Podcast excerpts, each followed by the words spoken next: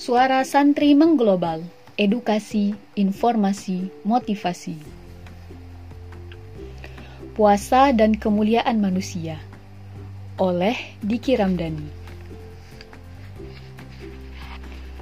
Sungguh kenikmatan yang luar biasa saat kita masih diberikan kesempatan oleh Allah Subhanahu wa taala untuk menjalankan ibadah puasa di bulan Ramadan.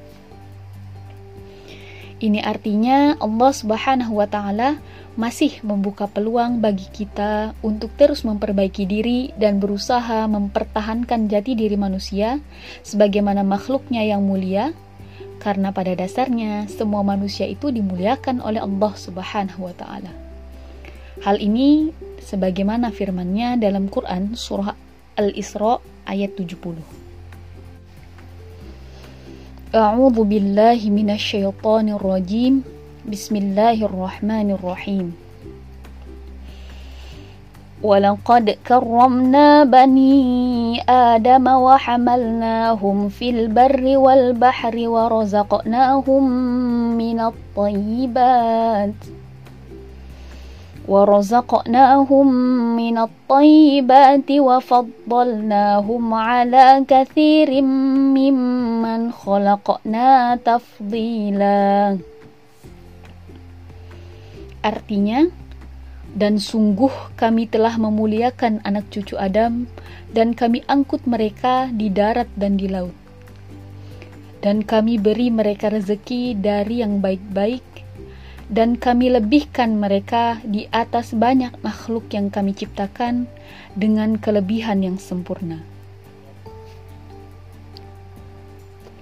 Kemuliaan yang Allah peruntukkan untuk semua manusia ini antara lain berupa kesempurnaan bentuk tubuh, hati nurani, dan akal pikiran yang dengan semua itu manusia dapat berinovasi dan berkarya di alam dunia ini. Sehingga kemudian dapat menghasilkan dan mengembangkan beragam lahan kehidupan dari mulai pertanian, perdagangan, perindustrian, dan lain sebagainya. Inilah kelebihan manusia di atas makhluk-makhluknya yang lain. Namun di atas kemuliaan itu ada yang paling mulia di sisi Allah, yakni orang-orang yang bertakwa. Sebagaimana firman-Nya dalam Quran surah Al-Hujurat ayat 13. Bismillahirrahmanirrahim. يا أيها الناس إنا خلقناكم من ذكر وأنثى وجعلناكم شعوبا وقبائل لتعارفوا إن أكرمكم عند الله أتقاكم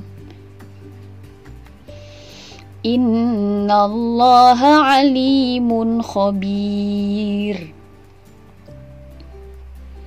Artinya, wahai manusia, sungguh kami telah menciptakan kamu dari seorang laki-laki dan seorang perempuan. Kemudian kami jadikan kamu berbangsa-bangsa dan bersuku-suku agar kamu saling mengenal.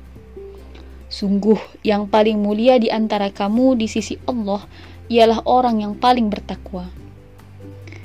Sungguh Allah Maha Mengetahui, Maha Teliti.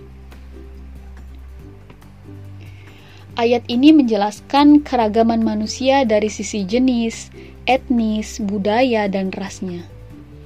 Akan tetapi, perbedaan-perbedaan itu tidaklah berarti di sisinya, karena yang dijadikan patokan martabat manusia yang paling mulia di sisinya hanyalah takwa, bukan harta, juga bukan tahta. Jika demikian, lantas apa definisi takwa itu?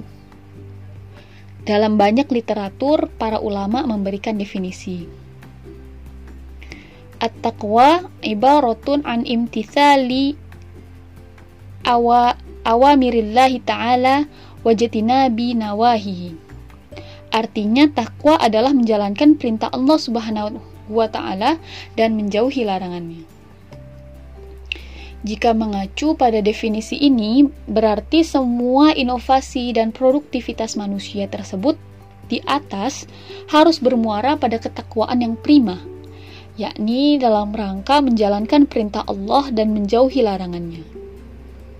Namun, untuk sampai pada tingkat ketakwaan itu, manusia harus berhadapan dengan ragam godaan hawa nafsu yang dapat menjerumuskannya pada lembah kehinaan. Nafsu yang kerap kali membuat manusia tidak sadarkan diri adalah nafsu perut dan nafsu di bawah perut. Tak jarang permusuhan, bahkan hingga pembunuhan pun terjadi disebabkan oleh keduanya. Kasus kriminal seperti perampokan, pencurian, korupsi itu semua disebabkan oleh nafsu perut.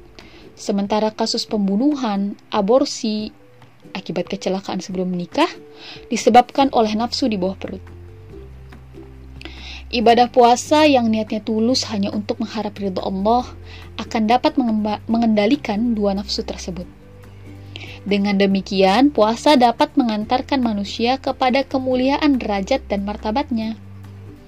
Hal ini antara lain yang dimaksud dengan takwa, yakni mampu membentengi manusia dari hawa nafsu.